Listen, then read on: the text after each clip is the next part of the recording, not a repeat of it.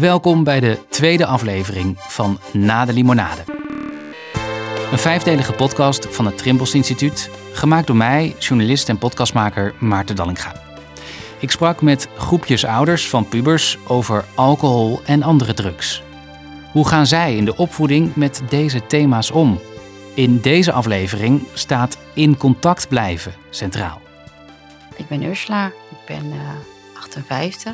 Ik heb uh, twee kinderen. Een dochter die is net 20 geworden en een zoon van 16. Mijn dochter is heel braaf geweest. Die heeft echt wel gewacht tot ze 18 was. Het was echt voor haar dan weer zo van: oké, ik mag drinken. En mijn zoon, die, uh, zover ik het weet, drinkt hij nu nog niet. Mijn culturele achtergrond is nu staan Surinaams. Daar is het ook wel zo dat je eigenlijk niet uh, mag drinken, en helemaal niet als vrouw. En als je dat wel doet, dan, ja, dan moet je dat heel stiekem doen. Ik deed wel gewoon vrolijk mee hoor, met de andere kinderen. Terwijl ik wel zorgde dat mijn ouders daar niet vanaf wisten. Ik ben André, ik kom van de Veluwe. Ik ben uh, vader van drie dochters. Twee wonen nog thuis. 15, 19 en 21. Over het algemeen lijkt drugs niet zo'n thema te zijn voor uh, mijn meiden. Alcoholgebruik is wel een, een thema, omdat het veel uh, om me heen gebeurt. Maar ook die van 19 en 21, die zijn ook op zoek van... hé, hey, wat vind ik daar prettig in? Hoi, ik ben Roosmarijn. Ik heb een dochter, één dochter van 16 jaar. Zij gebruikt alcohol, ze rookt en ze heeft wel eens iets geprobeerd qua drugs. En ze is daar uh, relatief uh, open over geweest. Ik ben Patricia. Ik ben 44 jaar. Ik heb een dochter van 15 die na de zomer 16 wordt en een zoon van 13. Wij zijn 2,5 jaar geleden van een stad naar een dorp verhuisd. En nou ja, goed, mijn dochter die zit in een vriendengroep en eigenlijk drinkt iedereen wel. Ook ouders die faciliteren. Ik ben zelf geen voorstander voor hun achttiende, uh, hè, dat ze zeg maar openbaar alles mogen drinken en doen. Um, maar goed, dat is heel lastig. Ik uh, kom ook uit een dorp en uh, nou, er werd volop gedronken. En toen ik 15 werd, stonden de kratten bier serieus op tafel en er werd gerookt binnen en uh, het kon allemaal. Jullie eigen ervaringen met alcohol en andere drugs vroeger als puber, toen jullie zo oud waren als jullie kinderen nu zo'n beetje. Is dat iets wat je, waar je thuis ook over vertelt, wat je misschien zelfs op een bepaalde manier probeert in te zetten, Patricia? Ja, zeker. Ja. Als ik kijk zeg maar, naar wat ik vroeger dan deed en wat ik zag om me heen, dat vertel ik absoluut thuis. En dan um, zeker om zeg maar kenbaar te maken wat de gevolgen ervan zijn. En dus dan denk ik, ja, het enige waardoor ik zeg maar um, kan laten inzien waarom ze het niet moeten doen, is de gevolgen uh, van alcohol en drugs vertellen. Dus zeg maar, nou ja, wat alcohol en drugs met je kan doen. En denk je dan niet tegelijkertijd, ja, dit zou er juist misschien ook voor kunnen zorgen dat ze, dat ze juist wat meer willen proberen? Want mama heeft het ook gedaan. Nee, dat denk ik niet. Bij mij is het met vriendjes een beetje de verkeerde kant op gegaan. Want eerst roken toen ik 14 was. En toen ik 15 was, kreeg ik een vriendje. En dan gingen we stiekem in een schuurtje blowen. Dat was dan heel stoer. Uh, en daar ging ik ook meedoen. Uh, en tot mijn uh, spijt, achteraf, ik dronk serieus op mijn 14e al 20 bier per avond, een pakje Camel sigaretten en nog een paar blootjes erbij. Ik heb haar eerder al wel wat adviezen gegeven. Dus hè, je, het is niet alleen van, oh, ik ga even vertellen over wat we allemaal gebruikt hebben. Dat vind ik zo oppervlakkig. Dus ik heb ook, dat was een eerder gesprek, heb ik gezegd, als je wat gebruikt doet met vrienden, uh, neem minder. Hè, dus een pilletje of iets, ze heeft één keer iets genomen. Uh, neem niet een volle lading. Als je nooit, nog nooit iets gebruikt hebt, doe iets heel kleins. Uh, zo is het bij mij, heeft het goed uitgepakt. Ik heb ook meer dingen gebruikt, maar niet veel. Maar wel echt iets heel kleins. En dan kun je ook voelen in je lichaam wat voor effect heeft dat. Um, ik ben Ninette van Hasselt. Ik ben hoofd van het programma Alcohol en uh, Drugspreventie bij het Rimmels Instituut. En uh, ik, daar ben ik weer. Verschillende ouders vertelden over hun eigen ervaringen vroeger. Is het nou wijs om daar ja, over te vertellen tegenover je kinderen? Nee, je moet er niet schijnheilig over gaan doen. Maar uh, wat je uh, wel ziet, en dat zie je vooral de vaders doen, om maar even uh, met een vinger te wijzen. Dat is niet helemaal waar dat het alleen maar vaders zijn, maar dat zie je wel meer bij vaders. Dat die eigenlijk kunnen die een hele belangrijke rol spelen ehm, door grenzen te stellen en, en ook goed voorbeeldgedrag te geven. Juist vaders? Ja, vaders nog meer dan moeders. Hoe komt dat? Nou, wellicht omdat vaders over het algemeen meer, mannen drinken meer dan vrouwen. En ouders zijn gewoon een voorbeeld. Dus mhm. als vaders het anders doen en gezonder doen, dan heeft dat meer impact. Maar dat je wel eens dronken bent geweest, daar hoef je niet uh, over te liegen. Maar dat het heel gewoon was om iedere week uh, je lamp te zuipen. En dat dat al heel leuk was en dat dat enorm verbindend was voor jou en je vrienden. Dat is niet een boodschap die je af wil geven. Maar ik zou het wel fijn vinden als ze natuurlijk, als ze wat ouder is, dat ze het zou kunnen gaan ontdekken. Vanaf welke leeftijd? Nou ja, als ze 17 is, vind ik het wel echt een ander verhaal. Maar zij is natuurlijk 15 en dan vind ik het wel echt, weet je, dat vind ik gewoon veel te jong. Maar weet je, ik vind het ook, weet je wel, 18 vind ik echt wel te ver van je bedshow. Ja, maar ben je niet bang toch voor hersenschade als ze eerder begint met drinken? Nee, omdat ik zelf denk, als ik kijk naar mezelf, hoeveel ik heb gedronken en alle mensen om me heen. En daarin zie ik ook geen schade. Nee, maar dan denk je niet, uh, dit is, dat is maar één voorbeeld en is één. Nee, want als ik kijk bij ons, weet je wel, iedereen zeg maar dronk echt abnormaal veel. En toevallig zijn wij 2,5 jaar geleden weer terug in hetzelfde dorp en ik ken iedereen. En dat zijn allemaal gewoon mensen die gewoon prima terecht zijn gekomen. Wat zijn de belangrijkste risico's van alcohol en andere drugs voor het puberlijf? In ieder geval is dat brein nog enorm in ontwikkeling. En ja, alcohol remt de ontwikkeling van je prefrontale cortex. Het deel wat helemaal aan de voorkant van je brein zit. Dat deel van het brein wat je juist heel hard nodig hebt. Uh, zo tot je 25ste is dat nog in ontwikkeling. En dat deel dat is heel belangrijk voor dat wat ons eigenlijk mensen maakt. Dat zorgt dat je kan plannen, dat je na kan denken over risico's. Dat je uh, nadenkt over, oh, uh, laat ik dit nu maar niet doen, want morgen heb ik daar last van.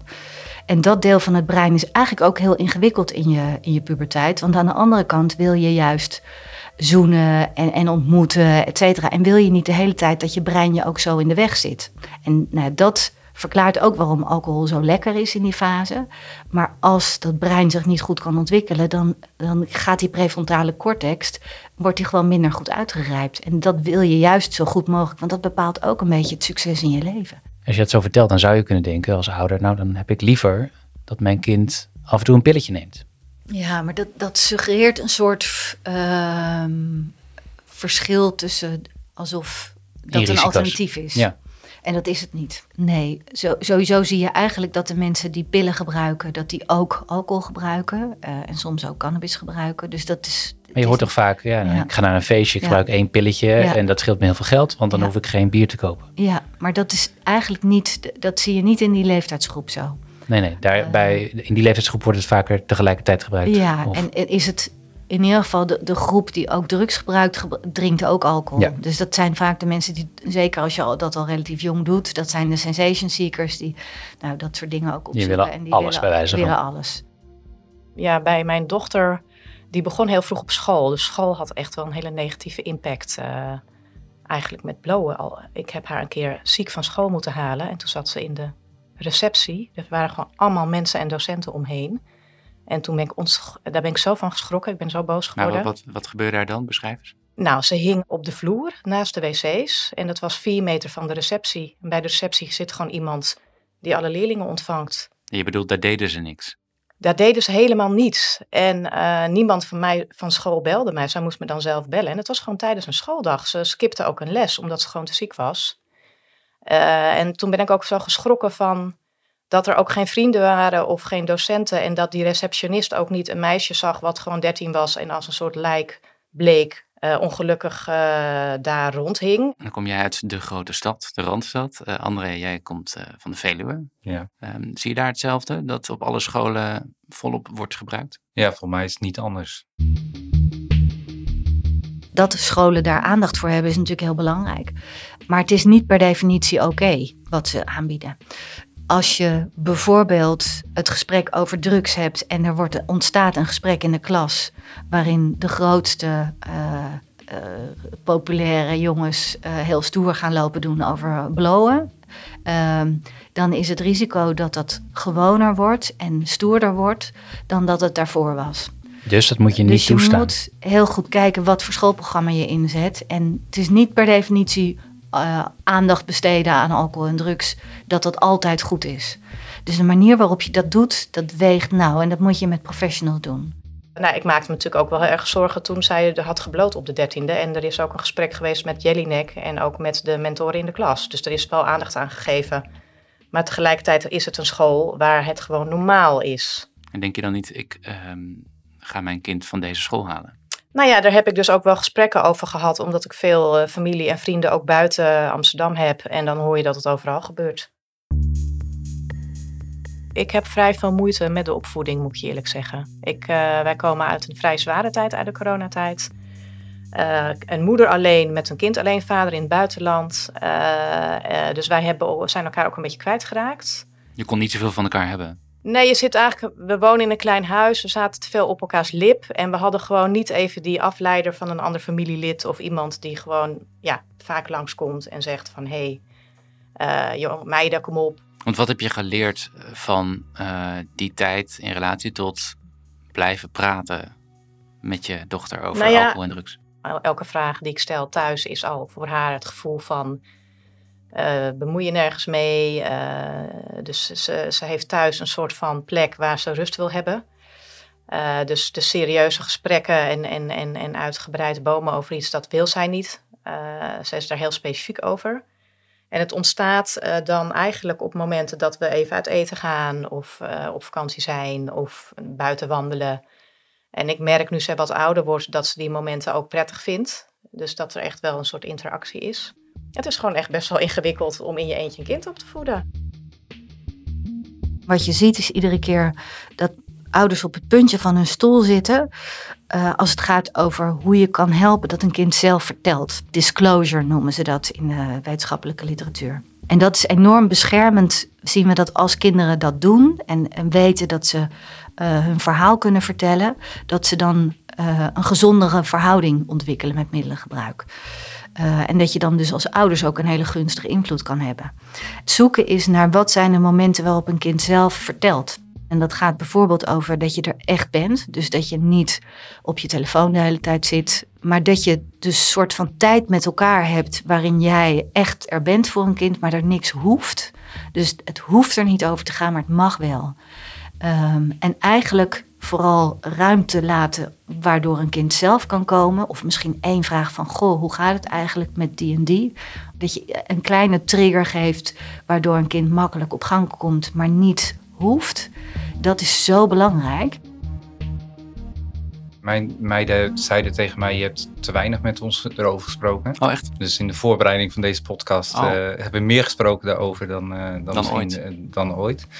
En tegelijkertijd zeiden ze wel van ja, je, je, toen wij 14, 15 waren, dus die van 19 en 21, die zeiden van dan gebeurde voor schoolfeesten werd gewoon forst ingedronken. Uh, Dat wist je niet? Nou ja, ik weet niet of ik het niet wist. Ik, ik heb er nooit, we hebben er nooit over gesproken. En uh, omdat ik dacht, mijn meiden zijn daar minder duidelijk mee bezig. Maar zij zeiden, we hadden meer behoefte gehad dat je met ons erover praat. Hoe ga je daarmee om, zeg maar. En hoe was dat voor jou om dat te horen? Uh, ja, niet leuk natuurlijk. Want je dacht, ergens dacht je van, nou, je ziet niet dat het een thema is. Dus we je dachten, dacht dat je het wel goed deed? Ja, we dachten dat het goed deden. En tegelijkertijd van, nou ja, omdat het zoveel om hen heen gebeurt. Zij ze hadden we best wel behoefte gehad om daar meer met jullie over te praten. Uh, en gewoon ook, ja, hoe ga je daarmee om? Maar waar, waar, hadden ze dan vooral behoefte aan? Hebben ze dat uh, geëxpliciteerd? Ja, ze, ze, ze, hadden het meer over van, nou gewoon uh, inderdaad van hoe ga je in zo'n wereld om als je, zeg maar, als je 15 bent en je ontdekt dat er een klasgenoot dronken in de klas zit om half negen. Ging het ze dan vooral om omgaan met de ander die gebruikt of ook om hun eigen ook zelf. Gebruik, van, uh, soms voelden ze zich een buitenbeentje als ze bijvoorbeeld niet indronken voor een, uh, voor een feest. Dat doen ze dus niet. de eigen zeggen niet en ik vertrouw ze, laat ik zo zeggen. Ik het lijkt me dan toch best wel pijnlijk om dat dan te horen als ouder. Ja, was niet leuk. En, en dan pas ja. dus. Maar tegelijkertijd, uh, het voelt wel alsof we nu in ieder geval eh, het wel goed was om er nu veel tijd... Dus we hebben nu een aantal gesprekken er eigenlijk over gehad. Eh, ja, dan zeg je sorry daarvoor. Dat, dat denk ik... Je hebt sorry gezegd. Ja, ik, eh, ik, ik dacht, ik had, daar, ik had graag natuurlijk dat gesprek wel aangegaan op het moment dat ze dachten, ik heb het nodig. Ja, maar er is nu dus een, ja, sprake van een, een doorbraak, zou je kunnen zeggen. Ja, dus dat, wat dat betreft vond ik het wel leuk om hiermee bezig te zijn. Want het leverde in ieder geval aan de eettafel een hoop goede gesprekken op. Zeiden ze dan ook goed, pap, dat je dit doet? Nou, ze zeiden een soort van, wat moet jij nou in een podcast over eh, middelen gebruiken? Want zoveel praat je er niet over. Maar het leverde nu in ieder geval thuis al een, veel gesprekken op. En dat is winst, denk ik. Ursula, als je met je zoon en dochter praat over ehm, alcohol en ander drugsgebruik, ehm, hoe, hoe pak je dat dan aan? Nou ja, ik blijf wel een beetje vasthouden aan het feit dat ik eh, vind dat het niet, niet, eh, niet mag of zo. Ik zei van, nou, we, we kunnen erover praten, maar ik weet dat, ik, dat, dat het wat mij betreft zo lang mogelijk uitgesteld moet worden. En dat geldt ook eh, voor, voor je dochter van 19. Ja, ja, ja, ook zij. Maar, maar zij, als ik met haar praat, het is ook van, zij had, eh, ze had vrienden op bezoek en toen eh, was het echt zo, had een van die vrienden gezegd, goh, ik hoop dat je bier hebt. En toen zei ik, nee, maar dat hebben we niet in huis. Dus als jullie eens wat willen drinken, ga maar lekker naar de, de stad in of ga daar op het terrasje zitten en eh, dan mag je dat. Maar niet, eh, thuis heb ik geen drank voor iemand anders. Nou, Je zou kunnen denken dat is ergens een beetje hypocriet, want ehm, je, je staat het wel toe, maar niet thuis. Zolang je het maar Ja. niet ziet, zou je kunnen denken. Nee, dat niet. Nee, nee. Ik wil wel mijn eigen regels en mijn eigen huis wil ik op een bepaalde manier eh, inrichten. Hoop je dan ook dat dat buitenshuis eh, zijn effect heeft? Nou, dat, dat is bij mijn dochter al. Die is natuurlijk eh, net twintig geworden. Daar, daar is het wel aan te merken dat ze niet... ze heeft er vaak over wijn en bier en zo. Maar ze, het, het is niet dat ze dat, ze dat zover ik het weet hoor, thuis, dat, dat, dat ze dat heel veel drinkt. Of dat ze, ze, is, ze, ze is er wel mee bezig, maar het is niet, het zit niet bovenaan eh, op haar lijstje. Denk je niet eh, dat, dat ze het net als jij vroeger dan nou, wel heel veel doet, maar stiekem? Nou ja, wat, eh, dat zou kunnen. Maar dat, daar, daar, ik probeer wel een soort open gesprek daarover te hebben. Dat ik, dat, dat ik het niet wil, maar ik wil wel horen wanneer ze dat wel doen. Maar wat belangrijk is, is dat je met je kind in ieder geval een afspraak maakt van één ding. Wat er ook gebeurt, je mag mij altijd midden in de nacht bellen en dan kom ik je halen of ik bestel een taxi voor je. Want eh, als het echt foute boel is, eh, dan kan je altijd bij me terecht. En dan daarmee vooral voorkomen eh, dat ze in een auto stappen omdat ze denken: oh, zo vervelend als ze me nu moeten komen halen. Daar zit gewoon het grootste risico van pubers in die leeftijd in. En wat, wat concreet denk jij dat dan werkt eh, in het geval eh, van contact met, jou, eh, met jouw kind? ik moet ze, als ik naar mijn eigen opvoeding kijk, denk ik van, hè, ik, ik sta heel sterk in het leven, maar dat komt puur doordat ik altijd mezelf kon zijn. We hadden een hele open band. En als ik s'avonds thuis kwam, er werd altijd gesproken. Hè? En dat is grappig om te zien, want mijn dochter, die komt s'avonds of s'nachts ook naar boven en die gaat gelijk het verhaal vertellen. Dus toen ik jou net hoorde. Die maakt je wakker? van- ja, ja. En ik denk dat dat heel fijn is, zeg maar, in, in de band. eh, hè, want daar gaat natuurlijk deze podcast ook over. Dat je gewoon een hele open band met je kinderen hebt en dat alles bespreekbaar is. Want hoe luister jij naar André? Ik denk dat wij ook veel met onze kinderen gesproken hebben, maar niet zozeer over dit onderwerp. Hè, dus, eh, dus er zijn soms andere onderwerpen die misschien door de tijd heen eh, veel nadrukkelijker aanwezig waren, omdat dat een thema was, zeg maar. Eh, bij ons zijn die gesprekken vaak aan tafel. Eh, we hebben zo'n kletspot met van die vragen die er eh, die naast onze eettafel Oh ja. staat, zeg maar. Dat zijn En, eh, standaard vragen. ja, van die theezakjes vragen, zeg maar. Ah, en dat ja. is vaak een goed begin van een gesprek. Wat, wat voor vragen komen dan bijvoorbeeld voorbij? Dat gaat van als je één dag iemand anders mag zijn, wat, wat ga je dan doen? Of als je mag kiezen, strand of zoveel. je, je kent ze wel die op die theezakjes staan, maar dat is vaak wel Mhm. een soort opmaat voor, voor, voor Dat werkt een bij jullie. ander gesprek. Ja. Dus ook een van de echt de beschermende factoren, zoals wij dat dan noemen. Als kinderen met ouders eten aan tafel, vijf keer per week of vaker met elkaar eten, is een beschermingsfactor. En dat komt omdat als je dat gewend bent, dan gaat het vaak aan tafel ook nog wel ergens over. En heb je gewoon contact en hoor je waar kinderen mee bezig zijn. Dus dat kinderen gewoon leren dat het aan tafel uh, gezellig is. Uh, en, en dat je het over dingen hebt van wat, wat je bezighoudt.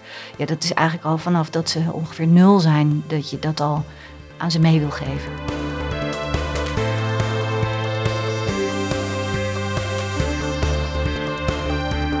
Je luisterde naar de tweede aflevering van Na de Limonade.